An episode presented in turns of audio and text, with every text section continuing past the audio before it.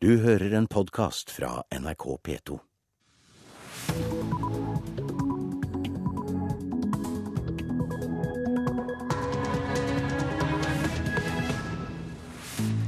Velkommen til Nyhetsmorgen. Klokka er 6.30. Programleder i dag er Anne Jetlund Hansen, og dette er noe av det vi kan by på den neste halvtimen. I Kongo ber advokaten til Joshua French om at rettssaken mot ham blir utsatt. Advokaten mener French er så dårlig at han trenger hjelp fra helsepersonell. Hvis vi får den utsettelsen som vi håper på, så får vi også forhåpentligvis den tiden som vi trenger til å få samlet sammen eh, tilstrekkelig hjelp. I dag åpner årets reiselivsmesse, og vi spør hvor nordmenn kommer til å dra på ferie i år. Barna til mammabloggerne reagerer på ting som mødrene deres har lagt ut om dem på internett. Vær forsiktig, sier psykolog Willy Tore Mørk. Vi kjenner til eksempler på at barn har eh, blitt skadet og blitt eh, mobbet og plaget eh, i forbindelse med at det er lagt ut bilder og film eh, på sosiale medier.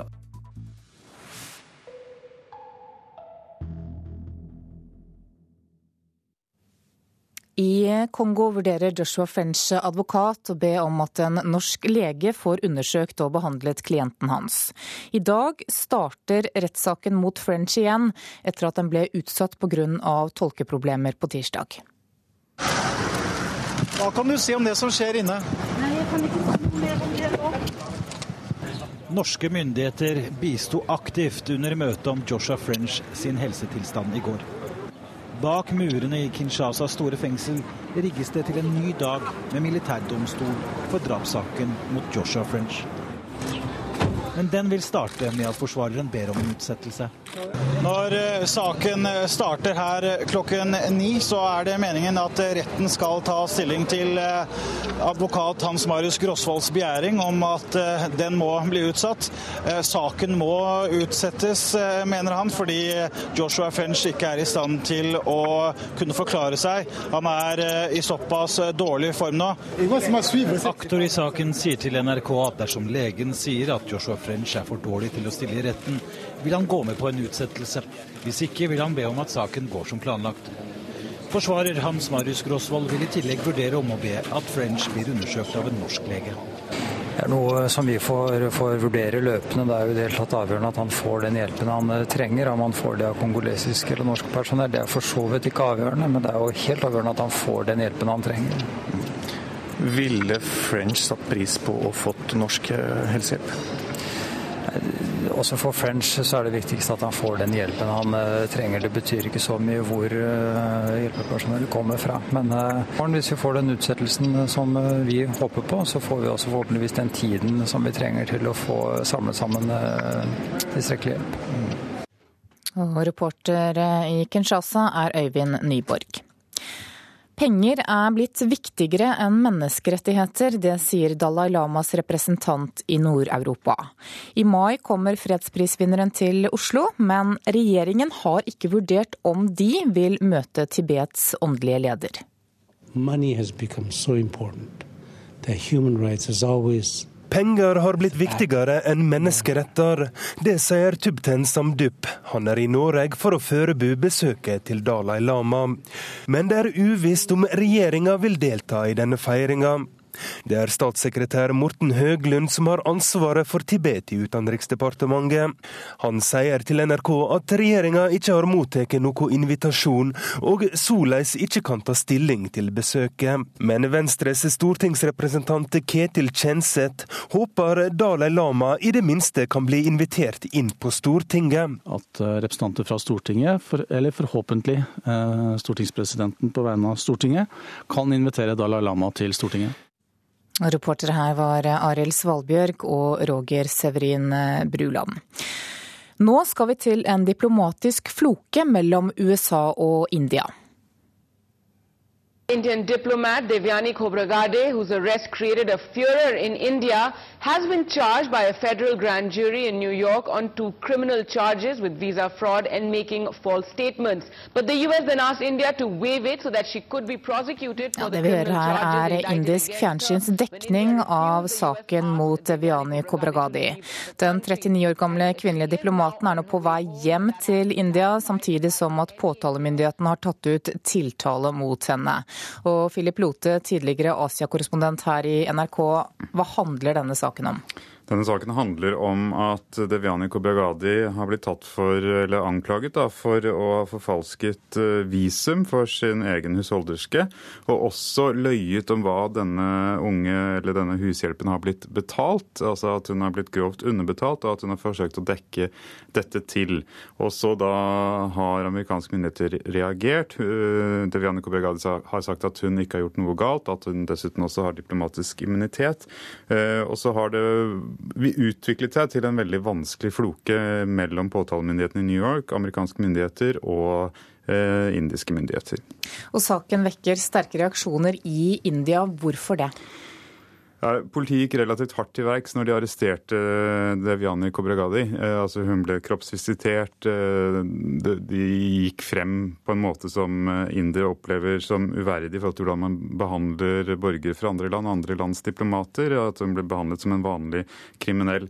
Det som er litt pussig her, er jo at det har vært veldig lite fokus i India på hushjelpens situasjon. Sangita Richardson, eller Richards som hun heter. Og Det er kanskje litt typisk at den indiske overklassen da, som eh, jobber i diplomati og byråkratiet, dette gjør de over hele verden. De tar med sine egne hushjelper. og Det som kanskje er litt spesielt her, er denne mulige visumforfalskningen. eh, Papirforfalskningen. Eh, Men eh, du har her et indisk etablissement som føler seg fornærmet, og så har du da eh, en opinion hjemme som også føler at India som en fremvoksende makt også her blir liksom tråkket på av amerikanske myndigheter. Er det også noe med den politiske situasjonen i USA akkurat nå som gjør denne saken spesielt følsom? Ja, Den er følsom for USA fordi at det er viktig for dem å ha et godt forhold til India. Og i India så skal det være valg, og India vil ikke eh, i en eh, oppkjøringen til et valg eh, bli provosert og utfordreren opposisjonen i India, det, det hinduistiske nasjonalistpartiet, de kommer til å bruke alle mulige vanskelige situasjoner i forhold til omverdenen mot deres egen regjering, i og med at å si at de ikke klarer å hevde Indias interesser i utlandet. Derfor er dette særdeles sensitivt akkurat nå.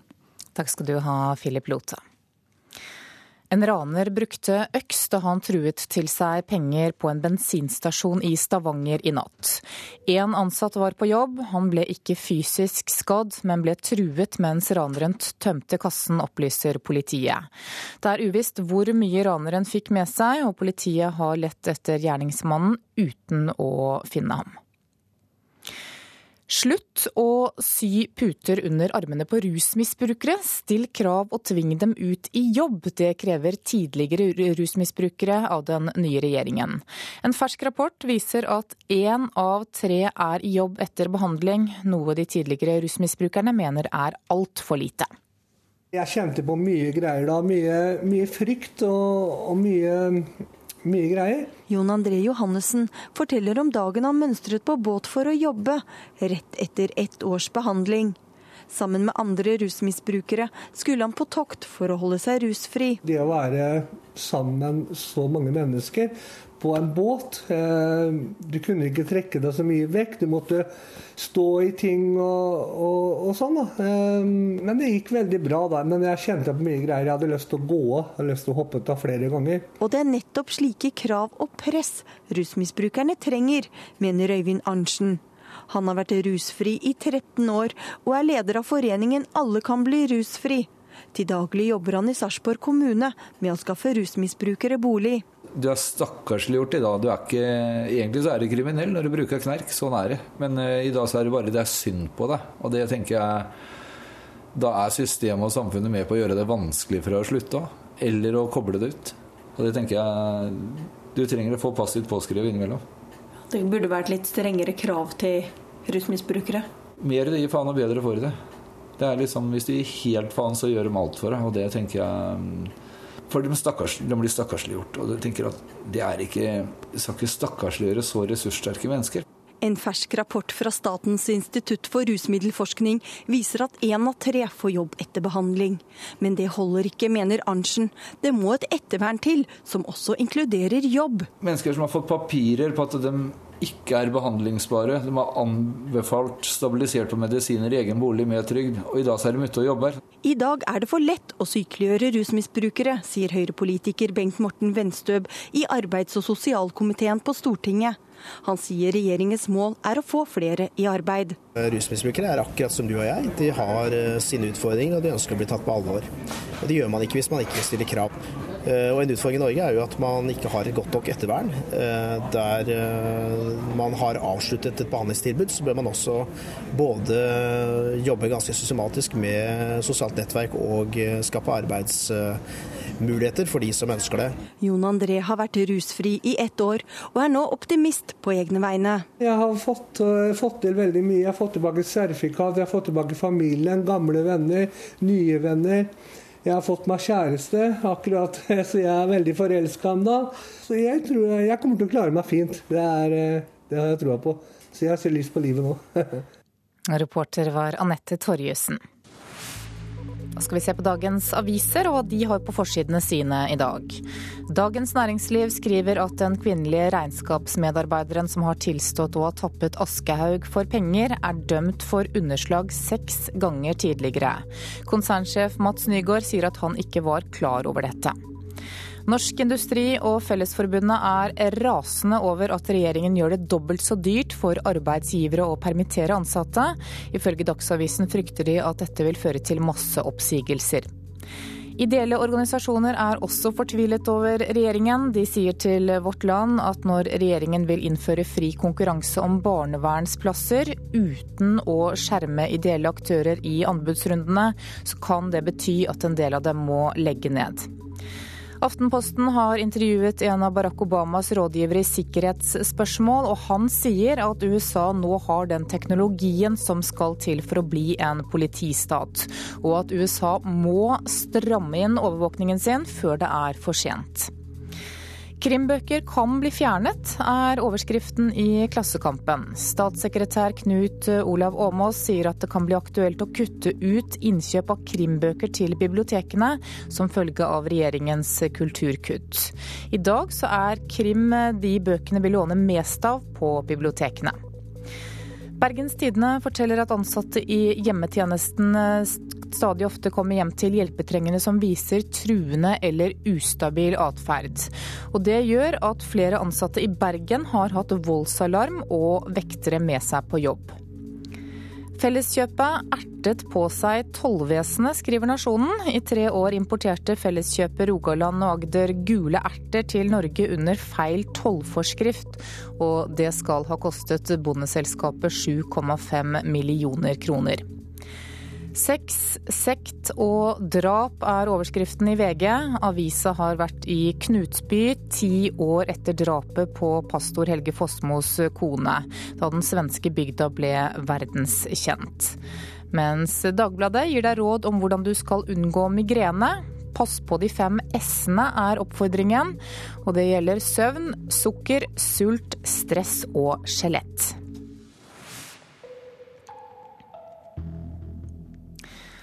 Skal vi ha sport her i Nyhetsmorgen. Det er overraskende at Åge Hareide gjør comeback som fotballtrener. Det sier NRKs ekspertkommentator Carl Petter Løken. I går ble det klart at den tidligere landslagstreneren blir ny trener for de svenske seriemestrene Malmö. Og det er uventet, synes Løken. Jeg ble selvfølgelig litt eh, overraska, for jeg hadde jo en følelse av at han nå kanskje hadde kasta inn årene for godt. I hvert fall når det gjaldt uh, trenergjerning på så høyt nivå. Så overraska, det er jeg.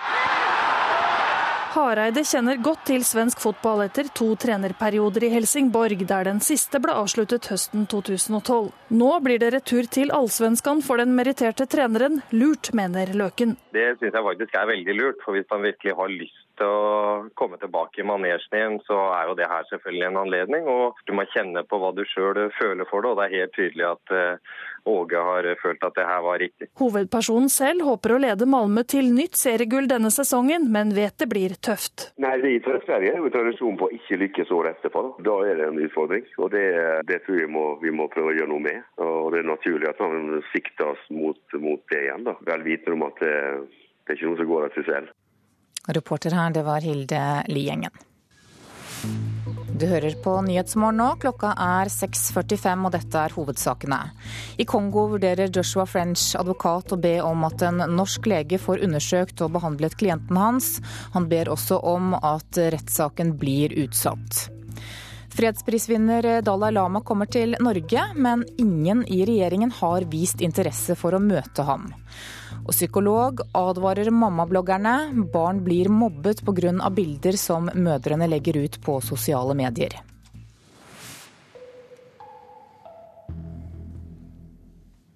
Nå til noe helt annet. Vi reiser som aldri før. Ifølge en ny undersøkelse gjort for Reiselivsmessa reiser hver av oss på mellom tre og fem utenlandsturer hvert år. Og i dag så åpner årets reiselivsmesse på Fornebu utenfor Oslo. Solfrid Bø, prosjektansvarlig ved Reiselivsmessa, velkommen. Takk for det. Hva tror du ligger bak denne reiselysten til nordmenn? Jeg tror at vi har fått veldig god råd. Eh, vi har eh, eh, Vi har fått mange nye destinasjoner å reise til. Vi har jo mange flyselskap som setter opp nye ruter, og jeg så en artikkel i går hvor det sto at hit reiser vi, og grunnen var faktisk at det er blitt lagt ut mange nye ruter på disse stedene. Hvor reiser vi hen? Vi reiser overalt, og den nye trenden fortsetter å være aktivitetsferie. Både unge og gamle og familier. Eh, vi reiser både på safari med storfamilier og barn. Eh, vi reiser fortsatt mye på cruise, det øker masse. Eh, og der bruker vi også penger på å reise lengre. Og i Asia, vi reiser ned Sør-Amerika. Så folk reiser på turer som er langt unna der man pleide å være. Er det helt nye reisemål som mange av oss kommer til å velge i år, tror du? Eh, det Vi har sett, vi har prøvd å kikke på nettsidene til de ulike reisestedene. og Jeg tok en runde og snakket med folk på reiselivsmessen når de drev og rigget i går. Eh, det er ikke så kjempemye nytt, men vi har en del ulike nye stands på messen i år. Som Cuba, Malta, Argentina. Eh, men det er aktivitetsferie, og folk holder seg også veldig mye i middelhavslandene. Og På årets messe så er det jo også en del av disse heteste reisemålene for 2014 som blir i fokus. Kan du si litt mer om hvem det er som eh, tilbyr ting? Er det pakketurer de prøver å, å selge oss? Er det opplevelsesferier som du snakker om, eller er det storbyturer eller sol og strand? Det er alt mulig. Det er eh, individuelt, det er eh, pakketurer, charter med turer til Spania, Hellas og Tyrkia går som aldri før. Storbyferie øker mye. London øker masse. Eh, så det er et bredt spekter med 600 utstillere på messen. 120 land eh, og over eh, ja, tusenvis av destinasjoner.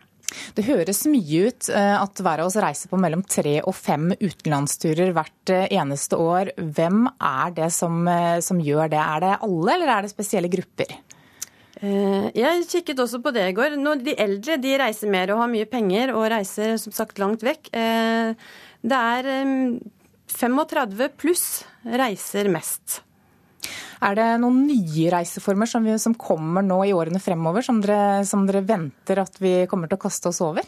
Eh, det jeg har sett, er folk er opptatt av at det er wifi der man kommer barneløse flyavganger og hoteller og destinasjoner. Eh, man ønsker mye mer å reise på steder hvor man får det helt tilpasset seg selv på hoteller og reisemålene. Eh, så vi er veldig opptatt av å gjøre noe ikke andre har gjort. Og klarer vi det? Eh, det får vi se. Det er jo begrenset Vi er jo mange som skal reise. Takk for at du kom, Solfrid Bø, prosjektansvarlig ved reiselivsmessa, som altså åpner på Fornebu utenfor Oslo i dag.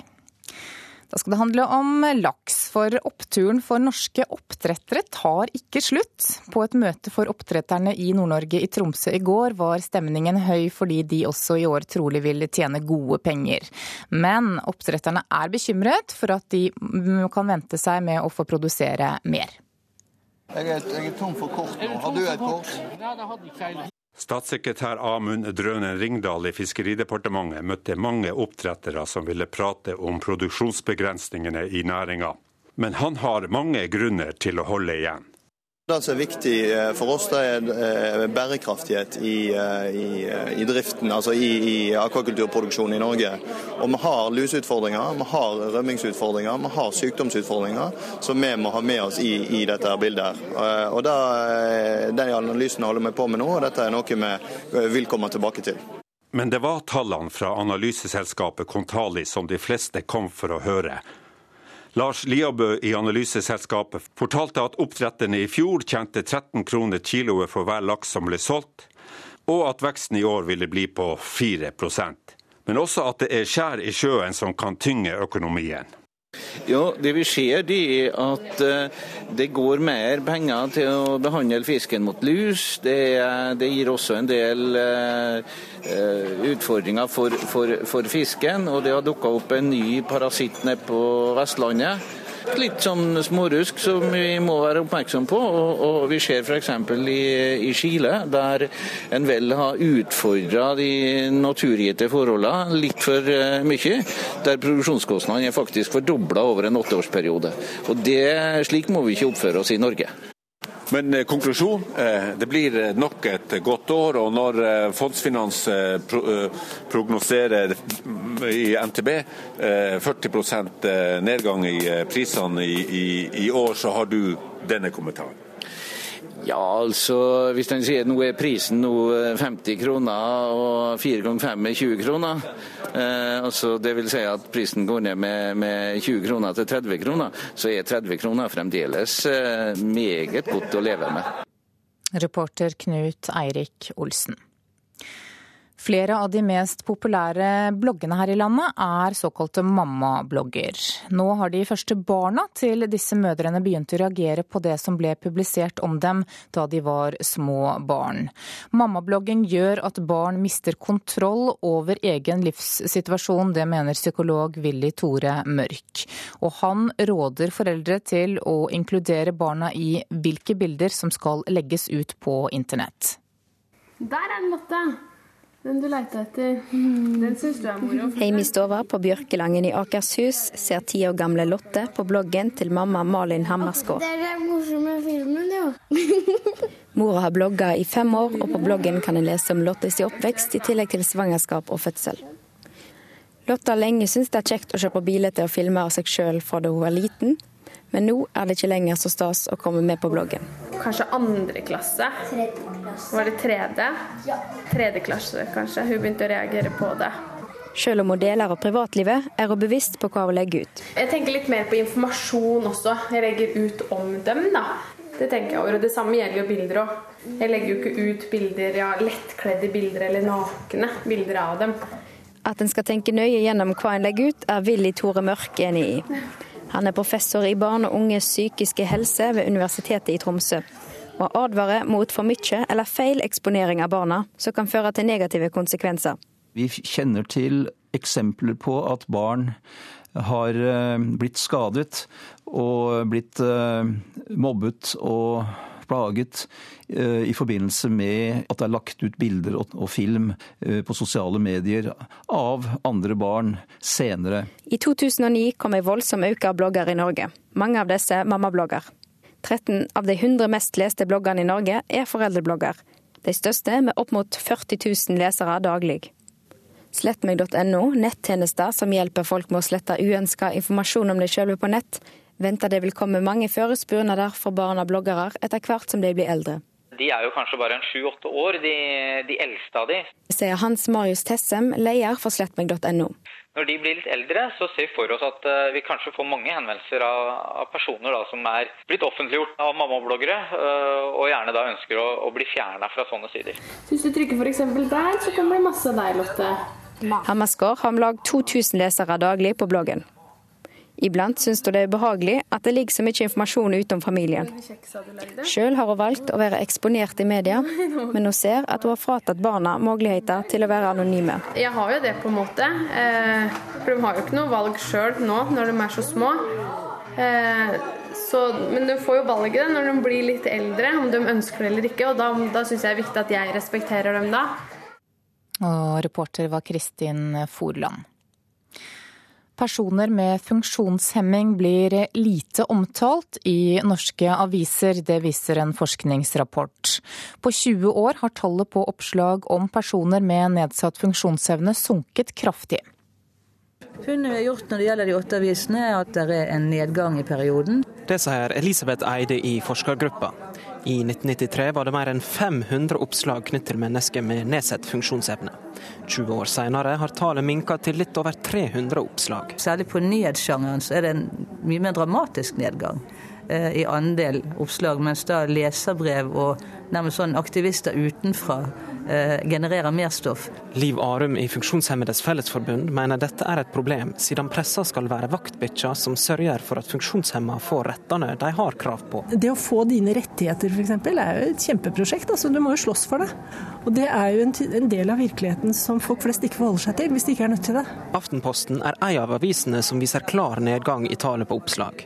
Men tidligere redaktør Hilde Haugsgjerd mener det er for snevert å se på tallene alene. Vi vet at, at, historier og dekning kan gjøre veldig veldig stort inntrykk og skape stor endring, mens mange mange artikler eh, ikke behøver å få noen effekt i det hele tatt, for de kan bli lest lite, de gjør ikke inntrykk, de, de skaper ikke endring. Sånn at tall alene er én liten målestokk. Det er mange andre ting som hører med et bilde hvis en virkelig skal gjøre opp en dom eller sette karakter på medienes dekning av dette feltet. Men Elisabeth Eide mener tallene uansett er en indikator på hvor mye oppmerksomhet dette temaet får i media. Det blir også en begrenset kritikk, fordi at uh, uansett så sier dette noe om den journalistiske energien som går inn i dekningen av et felt.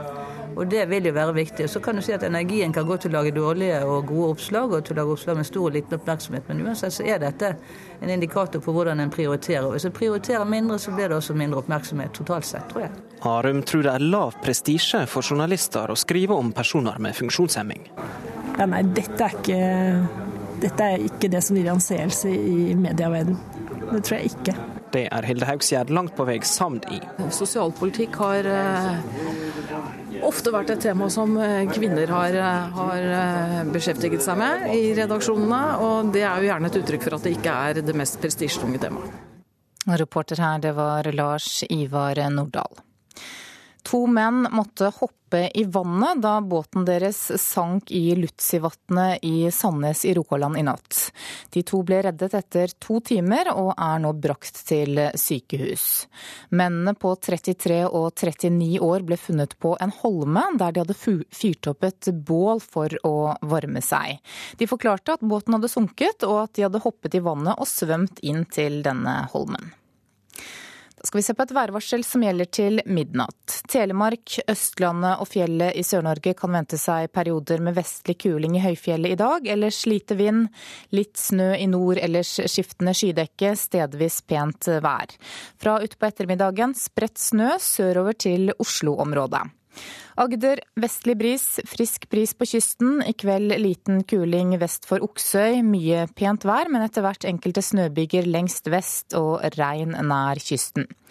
Rogaland og Hordaland skiftende bris, i kveld vestlig frisk bris. Enkelte regnbyger, snøbyger over 400 600 meter. Sogn og Fjordane og Møre og Romsdal kan vente seg økning til nordøstlig frisk bris på kysten nord for Stad. I kveld liten kuling ved Stad. Enkelte regnbyger, snø over 200 400 meter. Senere i lavlandet nord for Stad og i Fjordane. Trøndelag økning til østlig liten kuling på kysten og utsatte steder. Litt snø, ikke vel opphold i nord. Nordland østlig stiv kuling utsatte steder. Fra i formiddag gradvis minkende fra nord, og ellers stort sett pent vær. Troms og Finnmark på kysten av Øst-Finnmark perioder med nordøstlig frisk bris og enkelte snøbyger, ellers rolige vindforhold og for det meste pent vær. Og på Nordensjøland på Spitsbergen er det ventet dreining til vestlig frisk bris utsatte steder. Enkelte snøbyger fra i ettermiddag oppholdsvær. Så tar vi med noen temperaturer som ble målt klokka fire. Da hadde Svalbard lufthavn minus én grad, Kirkenes minus 17, Vardø minus 5, Alta minus 15, Tromsø-Langnes minus 9, Bodø minus 5, Brønnøysund minus 3, Trondheim-Værnes 0, Molde og Bergen 2, Stavanger 4, Kristiansand-Kjevik 2, Gardermoen minus 1, Lillehammer Unnskyld, Lillehammer minus to, Røros minus sju, og på Oslo-Blindern så var det null grader klokka fire i morges.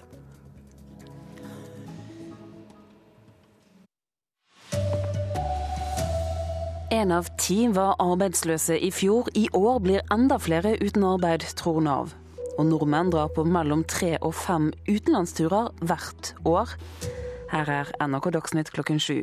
Hver tiende person i arbeidsfør alder ble registrert arbeidsløse i fjor, viser tall fra Nav.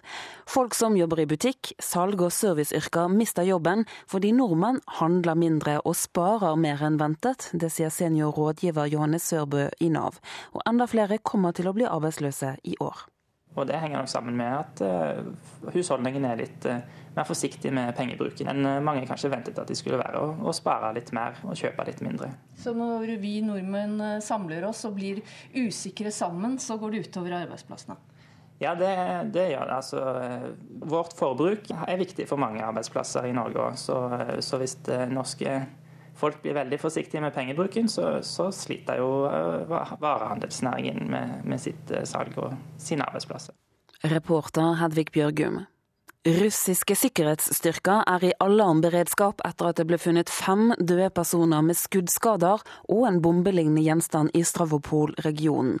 Stavropol er 300 km fra Sotsji, der vinter-OL skal arrangeres i februar.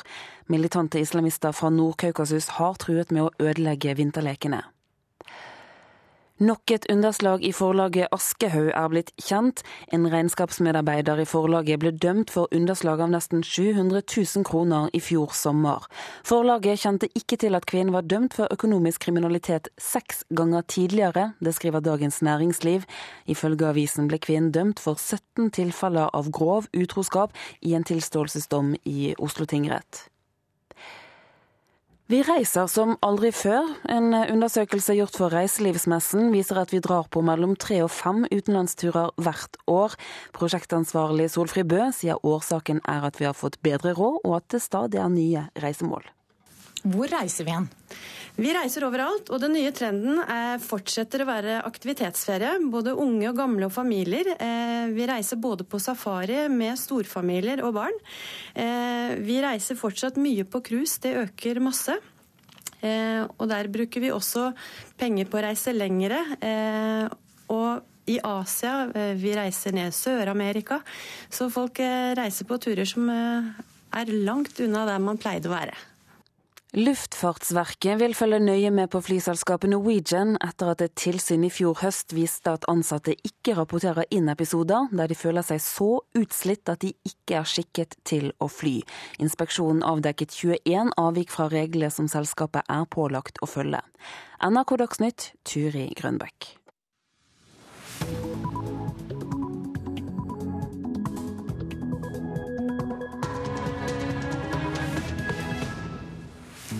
Klokka er 7.03 og Nyhetsmorgen fortsetter med disse sakene nå. Én av ti var arbeidsledig i fjor, og i, fjor, i år blir enda flere uten arbeid, tror Nav. Ingen i regjeringen har sagt ja til å møte Dalai Lama når Tibets åndelige leder kommer til Norge i mai. Og hva er grunnen til det, spør vi. To nye land har i det siste meldt sin interesse for kampflyet F-35, ifølge sjefen for prosjektet, men ingen andre land forpliktet seg til å kjøpe den norske raketten som Kongsberg Gruppen skal produsere for flyet.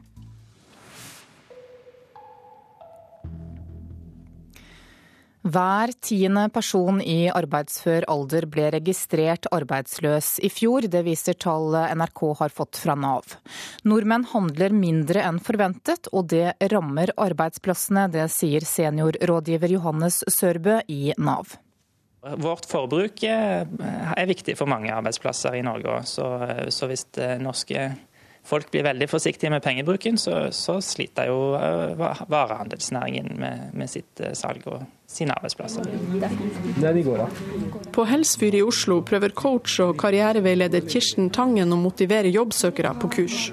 Hva er våre sterke sider, hva er det som motiverer oss med jobben, hva er det du kan tilby? Det, Rundt 30 personer med svært ulik bakgrunn lytter intenst. En av dem er 25 år gamle Shaista Mahmoud.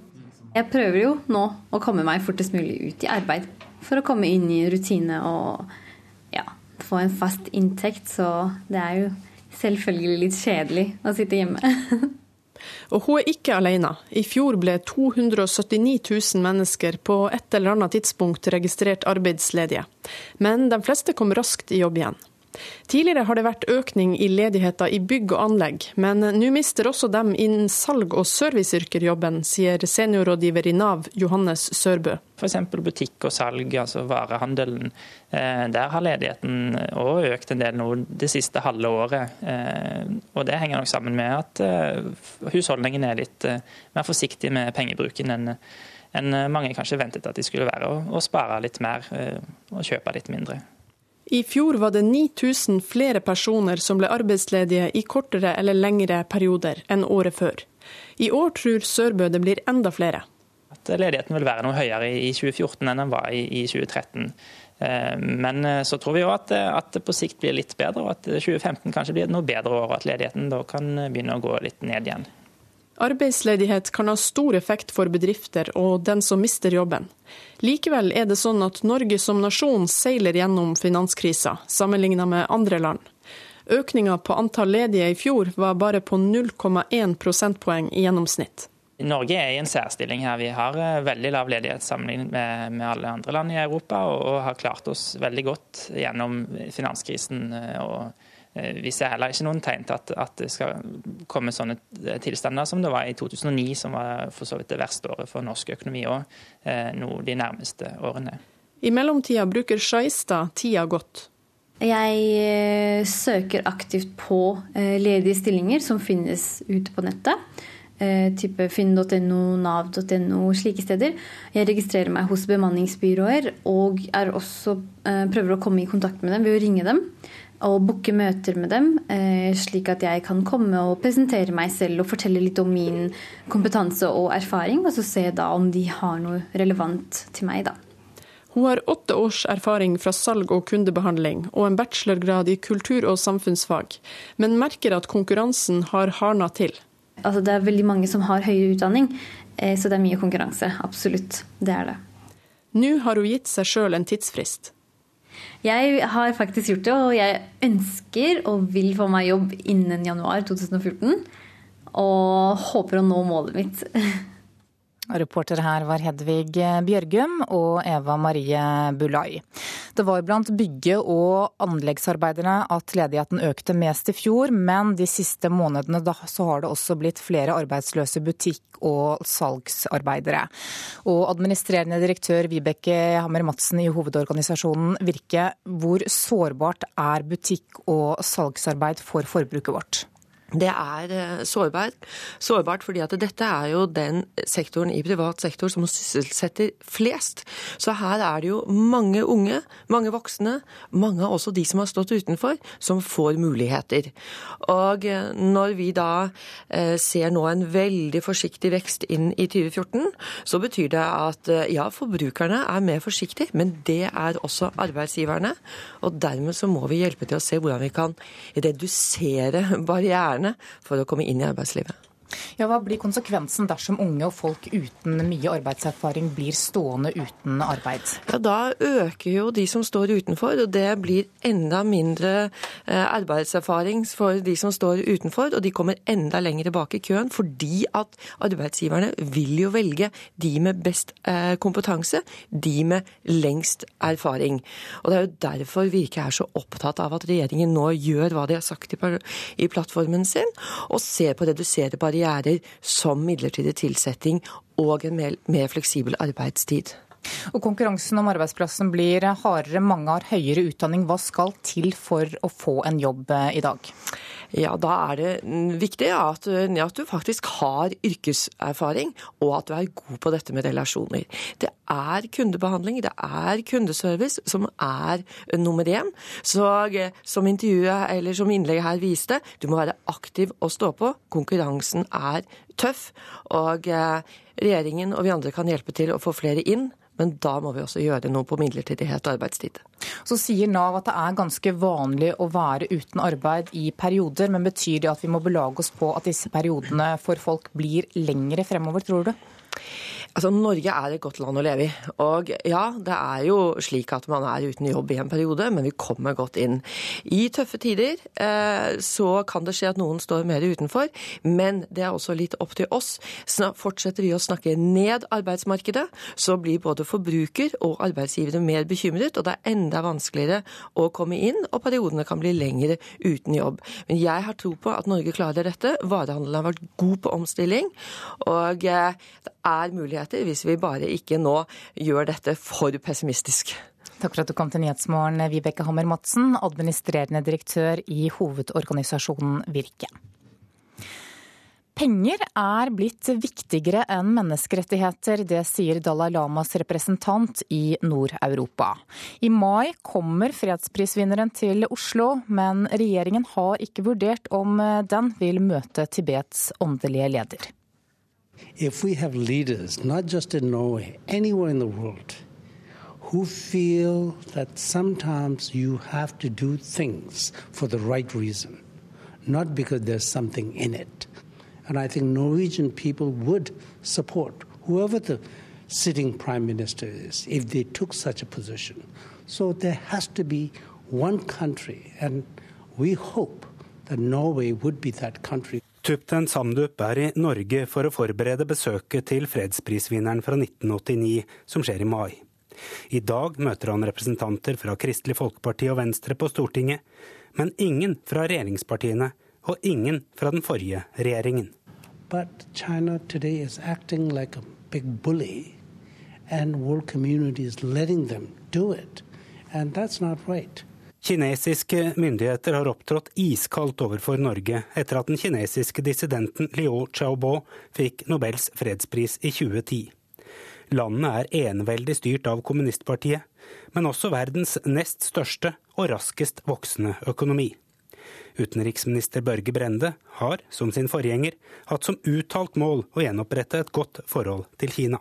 Det er jo da også litt eh, frem i tid, så vi får komme tilbake til hvordan det skal håndteres hvis eh, Dalai Lama som eh, åndelig leder kommer til Norge.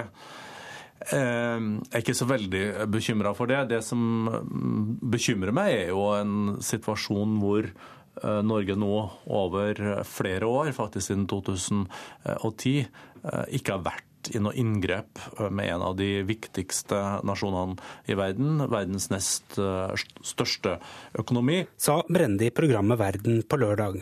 Regjeringen har altså ikke tatt stilling til om de vil møte Dalai Lama i mai.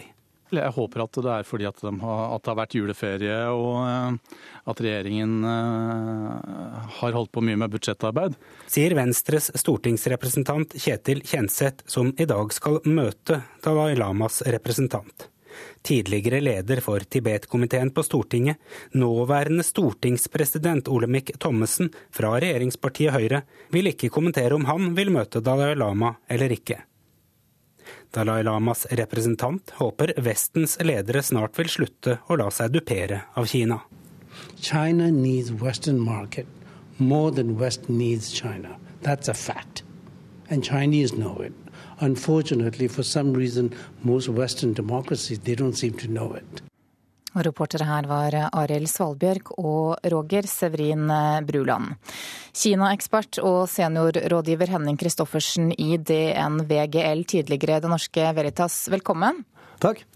Hva tror du kan være årsaken til at norske myndigheter ser ut til å være litt lunkne til å møte fredsprisvinneren når han kommer hit i mai? Det første er at eh, Dalai Lama er jo ikke invitert av regjeringen. Det, det, er jo riktig.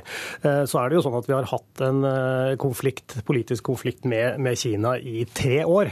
Og i den situasjonen så vil det jo være overraskende om ikke alt som gjelder Norge-Kina i disse tider blir tenkt på to og tre ganger før, før man bestemmer seg.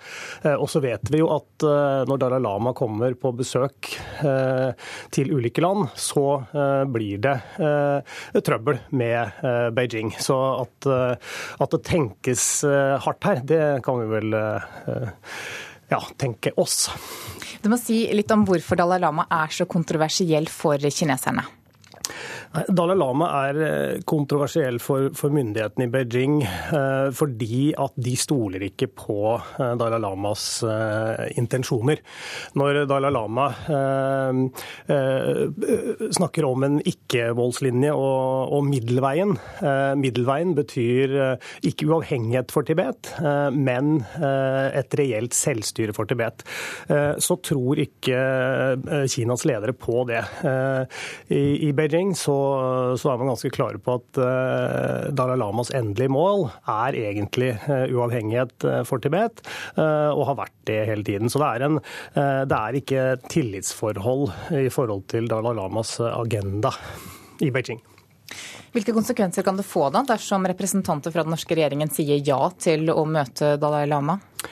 Hvis, eh, hvis, regjeringen sier ja til å møte Dalai Lama, så, så eh, er det vel eh, Da kan vi nok tenke oss at denne konflikten Norge-Kina, da er det nok greit å ha et, et evighetsperspektiv på den. Nå har den vart i tre år, og, og vår nye utenriksminister Børge Brende han snakker jo allerede om at han håper å få løst dette her i løpet av noen år og i løpet av sin, sin fireårsperiode. Så, så hvis vi legger på Dalai Lama på det, så snakker vi nok om mange år. Burde de gjøre det likevel? Um, om de burde gjøre det? Um, det er jo slik at det er en veldig stor forskjell på om det er et offisielt besøk uh, eller ikke. Uh, og det er jo kanskje eh, lov til å spørre seg også eh, om eh, årsaken til at Nobelkomiteen og de andre initiativtakerne inviterer Dalai Lama og i og for seg initierer en ny praksis overfor tidligere nobelprisvinnere, og gjør det akkurat i dette året, vel vitende om at Norge har dette vanskelige forholdet til Kina. Så dette er et, det er et reelt dilemma, og jeg skal ikke mene noe om man bør eller ikke gjøre det. Det får eh, Børge Brende eh, finne ut av selv. Og så var det innom dette med at eh, Brende har vært klar på at han vil prioritere å bedre dette forholdet til Kina. Men er det noe som tyder på at det er på vei mot noen bedring? Det er eh, ikke noe som tyder på det akkurat nå, at det er noen klare tegn eh, til bedring. Det er en, det er en fastlåst situasjon, eh, og det virker ikke som verken norsk side eller kinesisk side har nøkkelen for å komme ut av situasjonen. Så, så akkurat nå, så, som jeg sa, så snakker jo også Børge Brende om, et, om noen års perspektiv på dette, etter at det allerede har gått tre år. Så, så akkurat nå så, så er det ikke noen sånne store lys i tunnelen. Det er det ikke. Takk for at du kom til Nyhetsmorgen, Henning Christoffersen. Nå er klokka blitt 7.17, og du hører altså på Nyhetsmorgen. Dette er hovedsakene våre. Én av ti var arbeidsløs i fjor, og i år så blir enda flere uten jobb, tror Nav. I Kongo ber advokaten til Joshua French om at rettssaken mot ham blir utsatt. Advokaten mener French er så dårlig at han trenger hjelp fra helsepersonell. Og Følg oss videre, så skal du få høre at i USA så har guvernør Chris Christie nå bedt innbyggerne i byen Fort Lee om unnskyldning.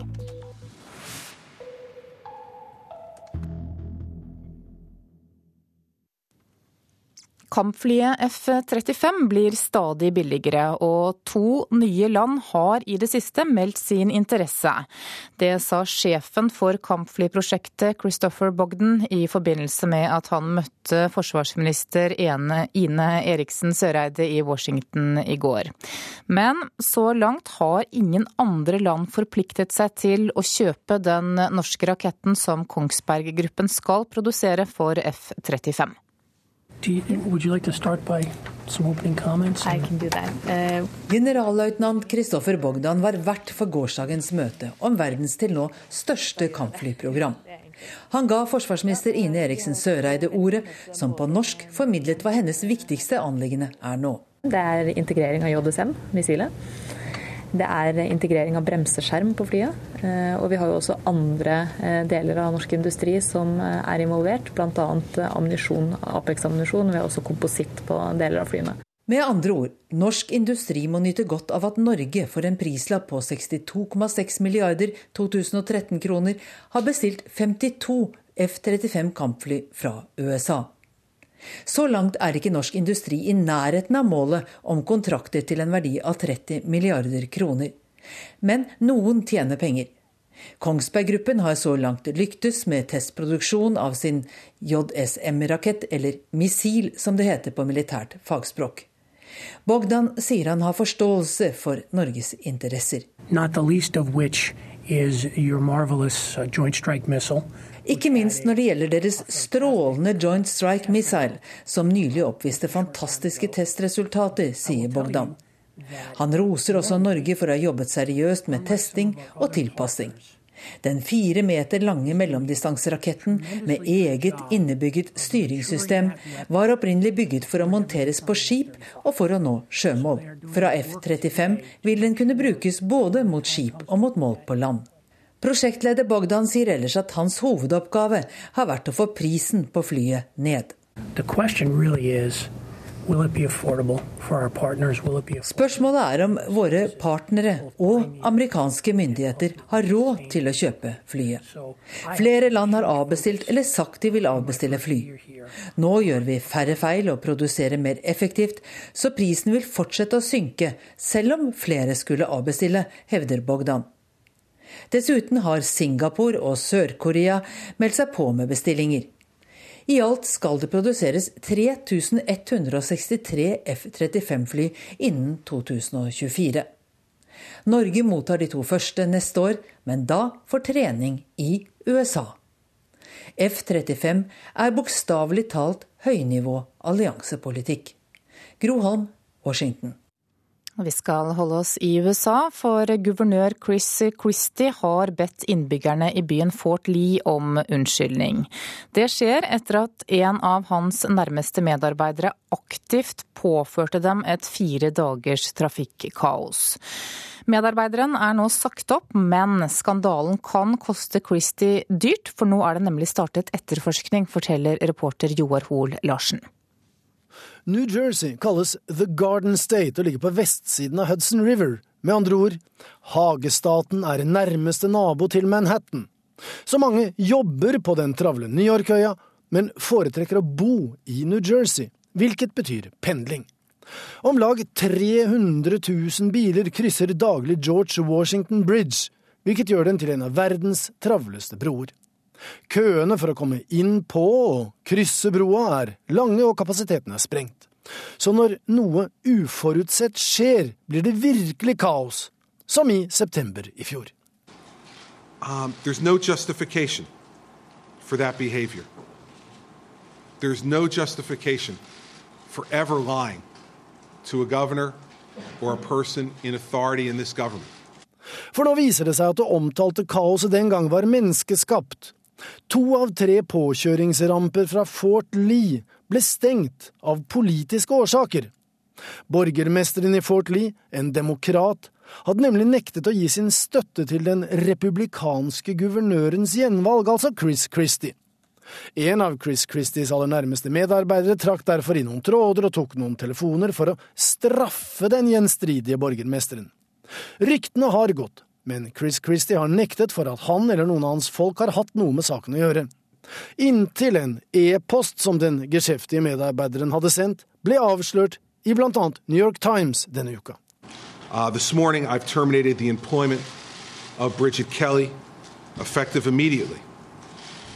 I've terminated her employment because she lied to me. Den tidligere så betrodde medarbeideren er nå arbeidsledig, for å si det sånn.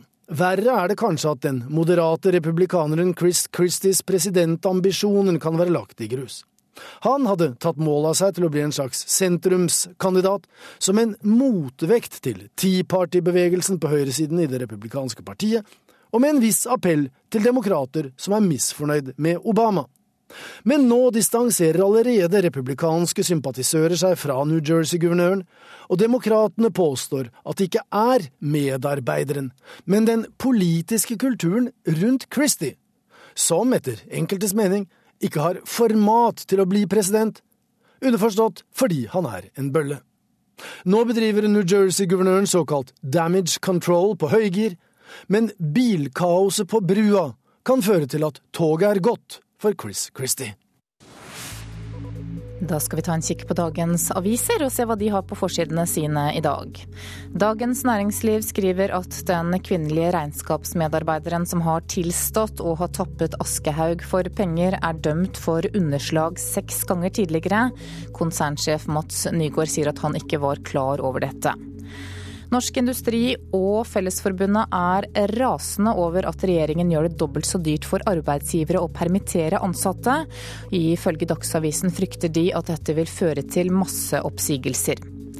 Ideelle organisasjoner er også fortvilet over regjeringen. De sier til Vårt Land at når regjeringen vil innføre fri konkurranse om barnevernsplasser uten å skjerme ideelle aktører i anbudsrundene, så kan det bety at en del av dem må legge ned. Aftenposten har intervjuet en av Barack Obamas rådgivere i sikkerhetsspørsmål. Og han sier at USA nå har den teknologien som skal til for å bli en politistat, og at USA må stramme inn overvåkningen sin før det er for sent.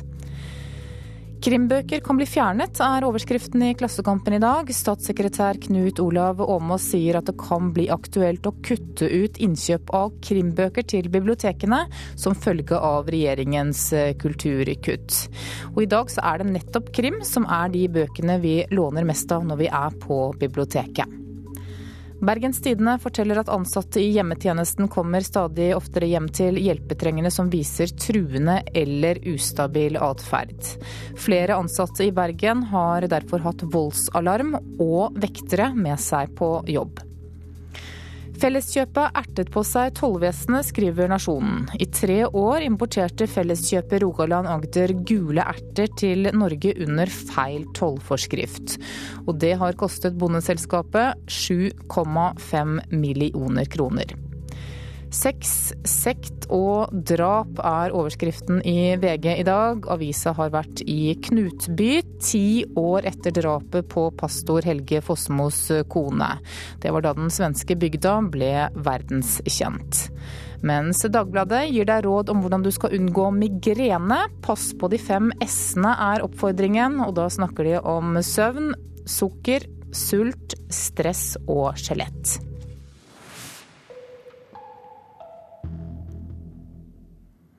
Forbruket av fjørfekjøtt når stadig nye høyder, og interessen for å starte med kyllingproduksjon er stor. I fjor økte Nortura salget med 15% Jeg spiser jo det for at det er godt, og fordi at det er enkelt, og fordi at man kan lage mange forskjellige retter med kylling. da. Ja, jeg spiser mye kylling. Det er godt, og det er sunt. Jeg er veldig glad i kylling. Så små. De er, ganske, de er bare en uke. De er ganske små. Glad i kylling er familien Svenkerud i Våler også. De er veldig små. For ett år siden så begynte Lise og Christian å diskutere om de skulle satse på kylling. Nå har de investert seks millioner i et moderne kyllinghus, og er i gang med tredje runde kyllinger. Om uh, en måned så er de på grillen. 21 dager er det. Da er de på grillen, stakkar. Da er de på grillen. Ja, da er det slutt. Ja, Det begynte vel med at vi hadde vurdert en stund om vi skulle ha flere næringer på gården. Istedenfor å bare drive med skogbruk og ha noe annet også som næringsgrunnlag. Og vi hørte om flere andre bønder vi kjenner i Våler som skulle begynne med slaktekylling. Og syntes egentlig det høres ut som en spennende husdyrproduksjon. Hvor du også får en del fritid. Om oss med fire barn så var det ganske spennende. Seks nye kyllingprodusenter i løpet av ett år i Våler er ganske spesielt. Også at så mange andre av landets 40 nye produsenter i Nortura-systemet befinner seg i regionen. Det sier Ola-Bjørn Haugbråten hos Nortura. Hovedtyngden der ligger jo da til Elverum, Våler, Åsnes og Grue. Det i seg sjøl var litt moro, for tradisjonelt har vi jo hatt vekst på Innlandet, men da i større grad Stange, Løten og Ringsaker. Lønnsomheten i kyllingproduksjonen er god, men Våleparet regner med at det også kan bli nedturer. Haugbråten hos Nortura frykter ikke overproduksjon i tida som kommer, selv om antall produsenter har økt og nye regler gjør at det er tillatt med flere kyllinger på kvadratmeteren. Han mener at selskapet har god kontroll i alle ledd. Og interessen for å starte med kyllingproduksjon er stor. Rundt 100 bønder står i kø bare i Hedmark og Oppland. Vi har et særs fokus på det med dyrevelferd og dyrehelse. I, I, denne situasjonen her så har det vært en formidabel interesse for å begynne med slaktekyllingproduksjonen. Vi har jo sånn sett kunnet plukke på øverste hylle av de produsentene vi har tro på på både kort og lang sikt. Helt skjelven da de første kyllingene kom. Det var, ganske, det var en stor dag. Da vi, hadde vi litt høye skuldre og var litt anspent og var, redd for at, var vi redd for at ting ikke skulle fungere. For det er jo avhengig av at du som skal fungere. Så, men det, det har gått bra. Det sa til slutt eh, Lise Berger Svenkerud til vår reporter Vera Wold. Du lytter til Nyhetsmorgen. Klokka nærmer seg 7.30 eh, og Dagsnytt. Og i Politisk kvarter etter det så er bråket i Senterpartiet tema. Dit kommer bl.a. nestleder Trygve Slagsvold Vedum. Produsent for Nyhetsmorgen i dag det er Eli Bjelland, og her i studio Anne Jetlund Hansen.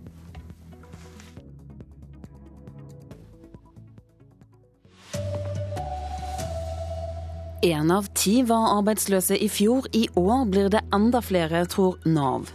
Fredsprisvinner Dalai Lama skal til Norge uten at noen i regjeringen har sagt ja til å møte ham. Og ungene til mammabloggerne blir mobbet pga. bilder foreldrene legger ut. God morgen, her er NRK Dagsnytt klokken 7.30. Hver tiende person i arbeidsfør alder var uten arbeid i fjor, viser ferske tall fra Nav.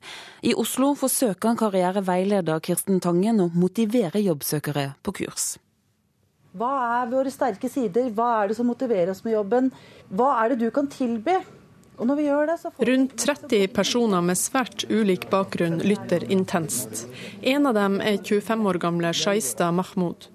Jeg prøver jo nå å komme meg fortest mulig ut i arbeid. For å komme inn i rutine og ja, få en fast inntekt. Så det er jo selvfølgelig litt kjedelig å sitte hjemme. og hun er ikke alene. I fjor ble 279 000 mennesker på et eller annet tidspunkt registrert arbeidsledige. Men de fleste kom raskt i jobb igjen.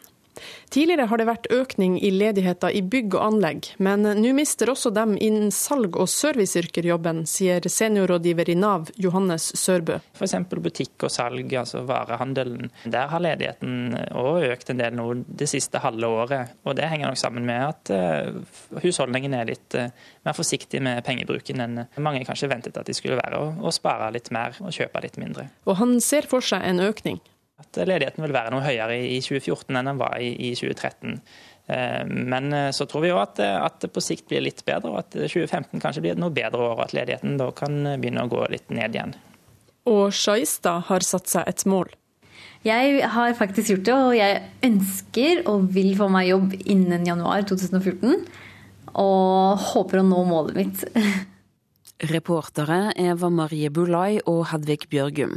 Og konsekvensene kan bli alvorlige for de som blir stående utenfor arbeidslivet lenge. Det sier administrerende direktør i Virke, Vibeke Hammer Madsen da øker jo de som står utenfor, og det blir enda mindre eh, arbeidserfaring for de som står utenfor, og de kommer enda lenger bak i køen, fordi at arbeidsgiverne vil jo velge de med best eh, kompetanse, de med lengst erfaring. Penger er blitt viktigere enn menneskerettigheter. Det sier Dalai Lamas representant i Nord-Europa. I mai kommer fredsprisvinneren til Oslo, men regjeringen har ikke vurdert om de vil møte ham. Situasjonen i Tibet er really very grim. The world community really does not seem to care too much because now money has become so important that human rights is always Penger har blitt viktigere enn menneskeretter. Det sier Tubten Samdup. Han er i Norge for å forberede besøket til Dalai Lama. Men det er uvisst om regjeringa vil delta i denne feiringa. Det er statssekretær Morten Høglund som har ansvaret for Tibet i Utenriksdepartementet. Han sier til NRK at regjeringa ikke har mottatt noen invitasjon, og såleis ikke kan ta stilling til besøket.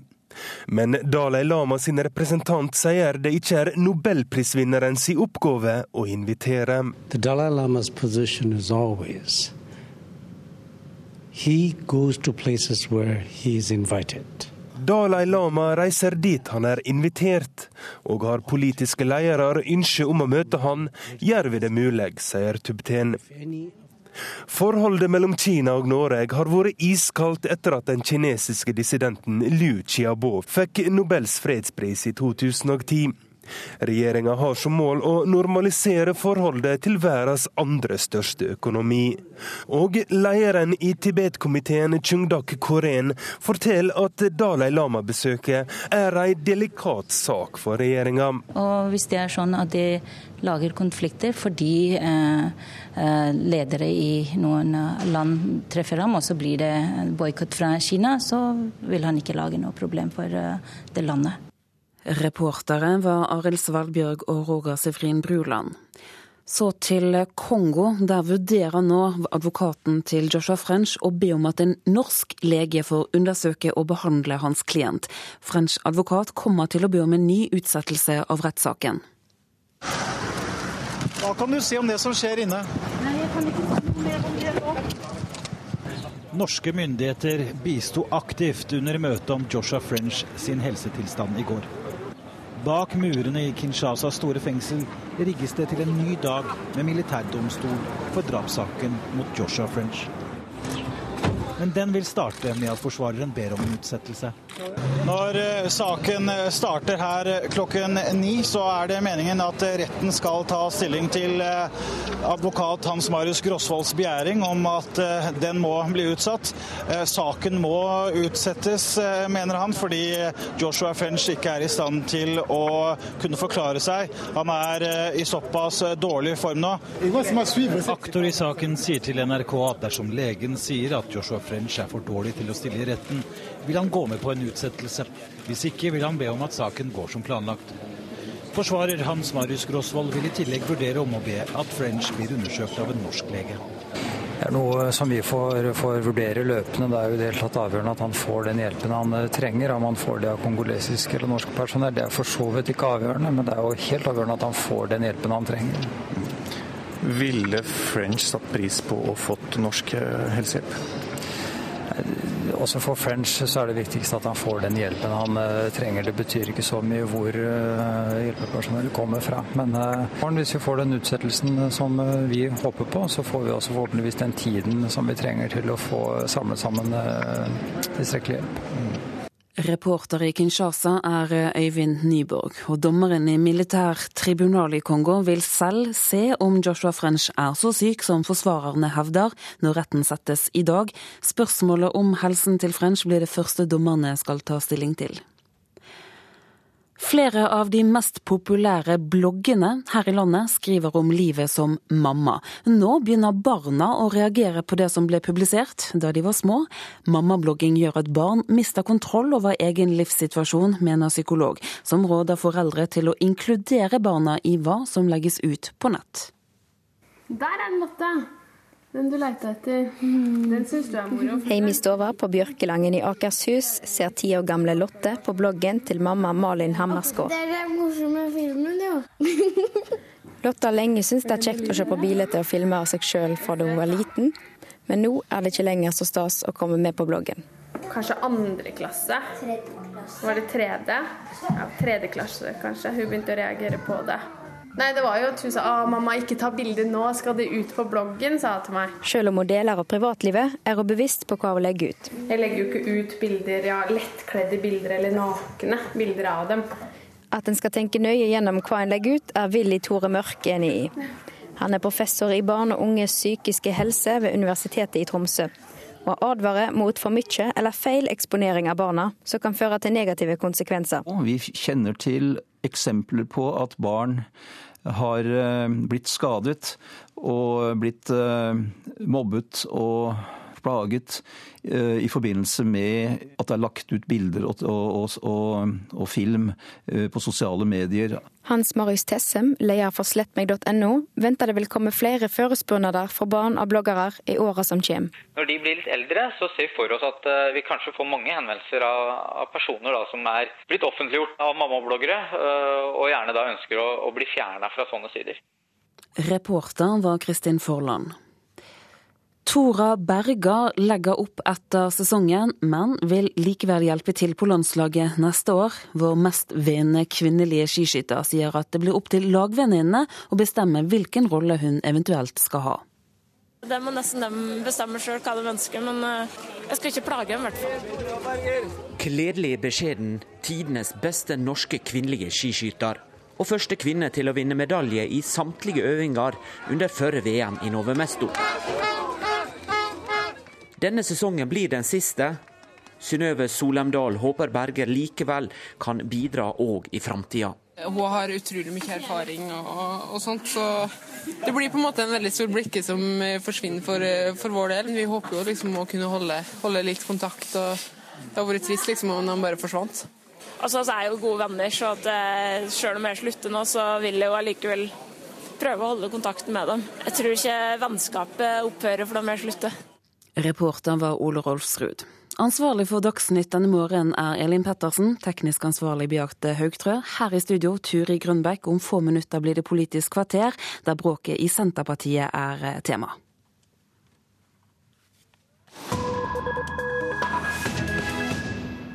Klokka er 7.40 og Nyhetsmorgen fortsetter. Blant verdens raskest voksende økonomier finnes det ikke et eneste europeisk land, men sju av ti er afrikanske. De trenger ikke bistand lenger, det sier den verdenskjente afrikanske økonomen Dabisa Moyo da hun besøkte Oslo denne uka. Moyo er omstridt, men kan slå i bordet med en master fra Harvard og en doktorgrad i økonomi fra Oxford. Bistanden er død, leve den respektfulle handel, sier hun. Og vår utenriksmedarbeider Tom Christiansen har møtt henne. Well, it's going to change in two years. China becomes the largest economy in the world in you know, GDP terms. Salen var fullsatt. Hun hadde nettopp forklart hvorfor bistand skaper korrupsjon, hvorfor Kina lykkes i verden og USA taper. Hun har henvist til sine bestselgere 'Hvorfor verden taper' og brannfakkelen 'Dead Aid'. Det er lettere for afrikanske ledere å ta en telefon til Norge eller Verdensbanken og be om 30 millioner enn å lage en plan selv. Med bistand slipper lederne selv å ta ansvar. Millioner inn i statskassa skaper korrupsjon. Jeg vil høre hva afrikanske ledere vil gjøre for å bekjempe malaria, ikke hva Norge vil. En slik politikk vil ha dødelig utgang, sa Hilde Frafjord Jonsson i sin tid, da boken kom. Supergiveren Bill Gates tok hardere i. Aid and you know, she is an aid critic. Uh, there's not many uh, because it's moralistically a tough position to take, uh, given what aid has been able to do. Uh, den dama vet ikke mye om uhjelp og hvordan den virker, sa Bill Gates da hun utga boka Dead Aid. Våre gaver gjør at barn kommer på skole og får ernæring. Bøker som den hun har skrevet, skaper bare ondskap, sa Bill Gates. Dambisa Moyo vil ikke snakke om Bill Gates. Han skal ikke få mer reklame fra henne. Bill who? spør hun. Og denne ondskapsfulle afrikanske økonom på 42 år har med stor overbærenhet minnet Bill Gates om hvem hun er og hva hun vet om f.eks. bistand. Født og oppvokst i Zambia. Ansatt i Verdensbanken som 19-åring. Master i administrasjon fra Harvard i USA. Doktorgrad i økonomi fra Oxford i England. Åtte år som rådgiver hos Goldman Sachs. Var det noe mer? Jo, kanskje at Time Magazine i 2009 kåret henne til en av verdens 100 mest innflytelsesrike personer. Den gang var hun 37 år. Nå sitter hun i tunge styrer og lever av sitt forfatterskap, sine råd og sine foredrag. Men hva så med det fattige Afrika?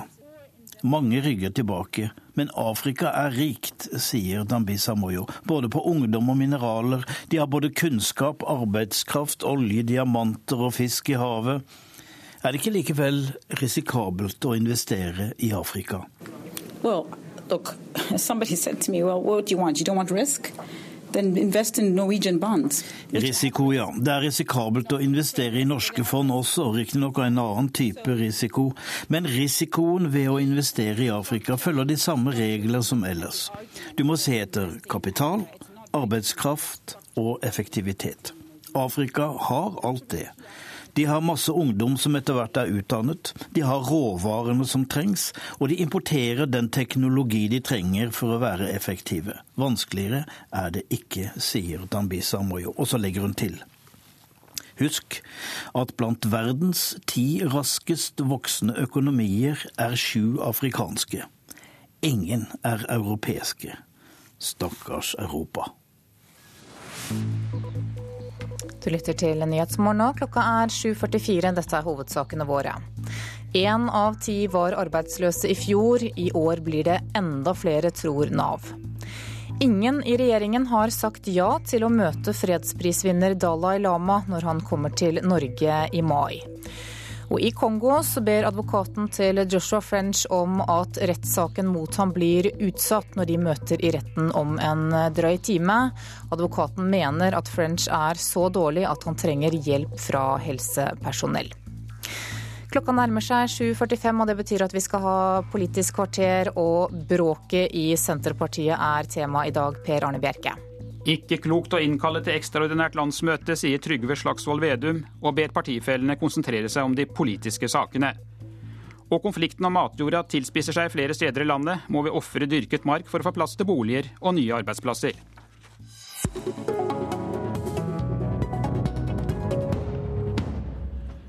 Det nye året begynner som det forrige sluttet, med bråk og personstrid i Senterpartiet. Enkelte tillitsvalgte har denne uka sagt at det beste ville være å innkalle til ekstraordinært landsmøte i vår for å velge ny ledelse. Men eh, du synes ikke det er noen god idé, nestleder Trygve Slagsvold Vedum med meg fra Studio Elverum. Hvorfor ikke? Altså, det er eh, fordi at vi har landsmøte hvert annet år i Senterpartiet. Eh, og det er det som er planen nå òg. Vi hadde en god og grundig prosess før landsmøtet i fjor, der ledelsen ble valgt, og der Liv Signe Navarsete ble valgt så å si enstemmig, og det samme gjaldt både Ola Borten Moe og, og, meg. Så jeg, jeg, mener at nå skal vi konsentrere oss om politikken, og det er veldig mye politikk å ta tak i. Men når det er så mye støy som det er nå, så blir, blir jo selvfølgelig politikken Eller ikke da blir jo litt støy og overskygger litt politikken, men nå må vi begynne å få fokus på det. Og så har vi tre i ledelsen bestemt oss for at vi skal jobbe sammen og prøve å få til gode resultater. Og så er det én ting jeg har lyst på å si. Uh, og det er Når det blir så mye støy som nå, så overskygger alle de små og store bråket, også den jobben som Liv Signe Navarsete har gjort over tid. For Hvis du begynner å se på den, den jobben som Liv Signe Navarsete gjorde de siste åtte åra, så er det vel knapt noen norsk politiker som har fått til mer resultater og har mer å vise til enn det, det hun har fått til. Men nå er altså situasjonen som den er, med daglige oppslag om bråk i partiet. og Er det mulig å få bilagt denne striden uten at dere velger ny ledelse? Altså, Vi har fått valgt en ledelse. altså Jeg er i ledelsen, så jeg må jo forholde meg til at jeg er blitt valgt. Og vi tre i ledelsen vi har et ansvar, og vi har fått et mandat fra landsmøtet. Øh, og et politisk mandat. og Da må vi ha vårt arbeid og vårt fokus på det. Øh, og det er veldig mye å ta tak i. altså Hvis vi tar den øh, nye regjeringa, det første budsjettet deres, det var lite de gjorde, men på de tinga de gjorde nå, så var det stort sett utelukkende et angrep på våre kjernesaker. Du så det i distriktspolitikken. De kutta massivt i midler til nyskaping, altså til de folka som har bedre ideer og bedre løsninger, fikk mindre penger. De kutta i næringspolitikken. I dag på radio så har vi hørt om permisjonsregelverket som de kutta, som rammer næringslivet i distrikta. Det har sett på landbrukspolitikken, sett i EU. Og samferdselspolitikken, som skulle bli den store kongstanken til regjeringa, har jo bare vært en ja, nå har det ikke skjedd eh, knapt noen ting. Det har bare blitt noen glansbilder. og Hovedutfordringa for regjeringa nå blir å oppfylle det som Senterpartiet la fram i vår nasjonale transportplan. Ja, du snakker altså om de politiske sakene. Om halvannet år så er det et uh, viktig lokalvalg for dere. Men hvor realistisk er det å tro at dere klarer å konsentrere dere, dere, om de politiske sakene, hvis du ikke får en helt annen disiplin nedover i partiet? Ja, men Det er bare opp til oss sjøl. Um, og bestemme oss for det. Altså Nå skal vi diskutere politikken. Så skal vi gå inn i et eh, landsmøte neste år der det er grundige og gode prosesser. Og det har vi veldig åpne prosesser på i Senterpartiet, på hvordan vi skal velge ny ledelse. Og Da får partiet bruke de mulighetene, peke ut de de mener er best for å lede partiet. Så er det Signe Navarsete, Ola Borten Moe og min, mitt ansvar og vår oppgave nå å få snudd fokuset, få diskusjon om politikken. Og det skjer dramatiske ting på våre kjerneområder. Og da må vi begynne å diskutere det, sånn at vi klarer å ha fokus på at Sylvi Listhaug er landbruksminister og de grepa hun kommer med, jordvernpolitikk, at Jan Tore Sanner ønsker å gjennomføre tidenes sentraliseringsreform gjennom eh, eh, sammenslåing av kommuner, og at eh, Ketil Solvik-Olsen snart høres, høres, ut som en tørr embetsmann som ikke har noen ambisjoner på samferdselspolitikken. Så her er det bare å kjøre på. Ja, Sylvi Listhaug skal du snart få møte i debatt her i Politisk kvarter, Trygve Slagsvold Vedum, men foreløpig takk til deg. Politisk kommentator Magnus Takvam, er striden i Senterpartiet en personstrid, eller er det noe annet som ligger bak? Begge elementer er, er, vel med, men eh, sånn som situasjonen har utviklet seg, så er det mer en allmenn krise i eh, partiet. Eh, man er kommet i en situasjon der dagens leder mangler den autoriteten som skal til for å få oppmerksomheten over på alle de politiske sakene som Vedum nettopp eh, ram, ramset opp. Og da oppstår det selvfølgelig en dynamikk som tilsynelatende nå er eh, ute av kontroll. Og det, det som har skjedd siden eh, skal vi si, valget på forrige landsmøte, som Vedum snakket om, er jo at denne evalueringsrapporten som, eh, som partiet selv utarbeidet, ga en ganske drepende analyse av hvordan partiledelsen har håndtert situasjonen for partiet. og da må man regne med at det oppstår den typen debatt som det nå gjør. Og nå er det ledelsens kollektive ansvar å skal vi si, konsolidere partiet om en prosess framover. Nå hørte vi Slagsvold Vedum nettopp avvise forslaget eller tankene om et ekstraordinært landsmøte i vår. Men er det mulig å skape ro i partiet hvis Liv Signe Navarsete fortsetter som leder? Altså Det er en utbredt oppfatning i partiet, man tar det nærmest for gitt, at det ved neste korsvei, neste landsmøte, blir en ny eh, partileder. Eh, men det som, som, jeg var inne på, og som har forsterket eh, frustrasjonen i partiet, gjør at særlig ordførersjiktet, mange i ordførersjiktet i partiet, vil ha en raskere avklaring på lederskiftet, fordi de er redd for at den uroen vi nå ser, smitter over på resultatet i valg, lokalvalget i 2015 slik at partiet da eh, risikerer å tape posisjoner. Eh, men det er sett utenfra svært uheldig for partiet at man har gående en debatt der det ikke er avklart hvordan dette eh, denne prosessen skal skje, og det, det føler jeg nok at partiet, partiorganisasjonen må, må, avklare og bestemme seg for. Ja, burde Navarsete da avklare sin stilling allerede nå, selv om hun da fortsetter til landsmøtet i 2015? Altså det er klart, det er et dilemma for en partileder eventuelt å si at jeg går av eh, såpass lang tid i, i forveien. Men eh, de, Og jeg tror kanskje hun kommer til å, til å, avklare det noe tidligere enn det som har vært vanlig. Så det er et dilemma for henne. Men de må i hvert fall bestemme seg for å konsolidere partiet på når, når eh, ledervalg osv. skal skje, og ikke la det surre og gå eh, og, og, føre til enda mer eh, Skal vi si at eh, konflikten forsterker seg enda mer i partiet. Nå er det jo flere som eh, peker på Trygve Slagsvold Vedum som eh, ny leder, som vi nettopp hørte ham her i Politisk kvarter. Hvor sterkt står Slagsvold Vedum? Ja, Han står relativt sterkt eh, i partiet, og det er, det er, mange som, eh, eller de fleste kanskje, regner med at han er den mest sannsynlige nye lederen i Senterpartiet. Men samtidig så er det jo en situasjon der hvor ledelsen og arbeidsutvalget som kollektiv har fått knallhard kritikk. Og man, det er klart at man får et felles ansvar for den problematiske situasjonen partiet er i. Så en del hadde nok drømt om en, en, en uh, hvit ridder utenfra som kunne komme inn som en, ny uh, leder uten den typen fortid. Men i øyeblikket så, så, er det ikke så lett å peke på, på noen realistisk kandidat utover f.eks. Trygve Slagsvold Vedum. Takk skal du ha, politisk kommentator Magnus Takvam.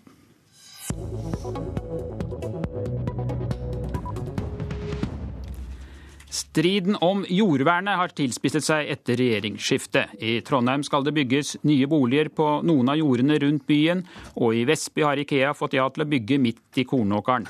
I går ble jordvernet diskutert i Stortinget, og landbruksminister Sylvi Listhaug, hvor mye matjord er du villig til å ofre for å skaffe nok tomter til boliger og bedrifter? Jeg er veldig opptatt av at vi skal ha et strengt jordvern i Norge. Det skal vi også ha under en ny regjering. Eh, men samtidig er det sånn at vi er en befolkning i vekst som trenger flere boliger. Folk de ønsker å flytte fra distriktene og inn til byene, og det betyr at det er et sterkt press der. Hvis vi da ikke sørger for å bygge nok boliger, så øker boligprisene. Det som jeg har vært veldig tydelig på, er at kommunene må bygge høyere, og de må bygge tettere og bruke arealet bedre. Men så syns jeg at denne her angrepet fra Senterpartiet er ganske hul. Fordi at samtidig som man da sitter og kritiserer eh, Høyre og Fremskrittspartiet for å ha tillatt Ikea å bygge på delejordet, Eh, så har han altså sjøl i forrige regjeringsperiode åpna for eh, utbygging av 400, altså seks ganger så mye dekar i Trondheim, til næringsareal. Der den viktigste etablereren er Rema 1000, som bygger et sentrallager. Sånn at eh, Det viser jo at Senterpartiet også har vært villig til å sørge for at det blir arbeidsplasser ute i, i kommunene. Det trenger oss. Ja. Fordi at eh, arbeidsplass er en mm. forutsetning for at folk skal bo der. Ja, Trygve Slagsvold Vedum, tidligere landbruksminister og nestleder i Senterpartiet, og fortsatt eh, med oss. Du er vel ikke helt uskyldig du heller, for i de siste ti årene så er 680 000 dekar fulldyrket mark blitt borte til andre formål. og I din tid i regjeringen sa dere altså ja til at Rema 1000 skulle få bygge midt i åkeren i Trondheim, slik eh, landbruksministeren her var inne på. Hvorfor har dere vært med på å bygge ned så mye dyrket mark? Nei, det er for mye. Altså, jeg mener jo personlig at ethvert dekar dyrka mark bygner er, er et nederlag. Men noen ganger så må man eh, f.eks. pga. veiutbygging, jernbane og andre ting gjøre det. Og så fikk vi i løpet av den perioden vi styrte, så gikk heldigvis omdisponeringa av dyrka mark ned. Og det laveste tallet som vi begynte å måle det eh, fra 76 var i 2012. Så vi har klart, gjennom veldig mange små og store grep, så klarte vi å få nedbygginga ned. Og det å ta vare på matjord, det handler om å tørre eh, å tenke langsiktig. Og Det er ikke minst landbruksministerens oppgave å hele tida minne regjeringa på at jordvernspolitikk er beredskapspolitikk. Og det handler om vår framtidige evne som samfunn til å produsere mat. Og det som jeg synes er så skummelt nå, er at ordet beredskap og jordvern bruker ikke regjeringa i det hele tatt. Og det som er så viktig i beredskapspolitikken, er at vi må tørre å tenke det utenkelige. Og det utenkelige for oss akkurat nå er at vi skal måte, få en matvarekrise. Men er det utenkelig om 40 år, er det utenkelig om 80 år, er det utenkelig om 100 år? Og når vi først har bygd ned matjorda, så har vi bygd ned den for alltid. Og vi må tørre å tenke generasjonsregnskap, ikke kvartalsregnskap, når vi diskuterer eh, nedbygging av matjord. Ja. Eh, Listhaug, i hvilken grad kommer du i fremtiden til å gå imot eh, kommuner som vil bygge på dyrket mark for å skaffe nye arbeidsplasser? For ofte er det jo slik at dere sier at lokale interesser vil veldig gjerne bygge.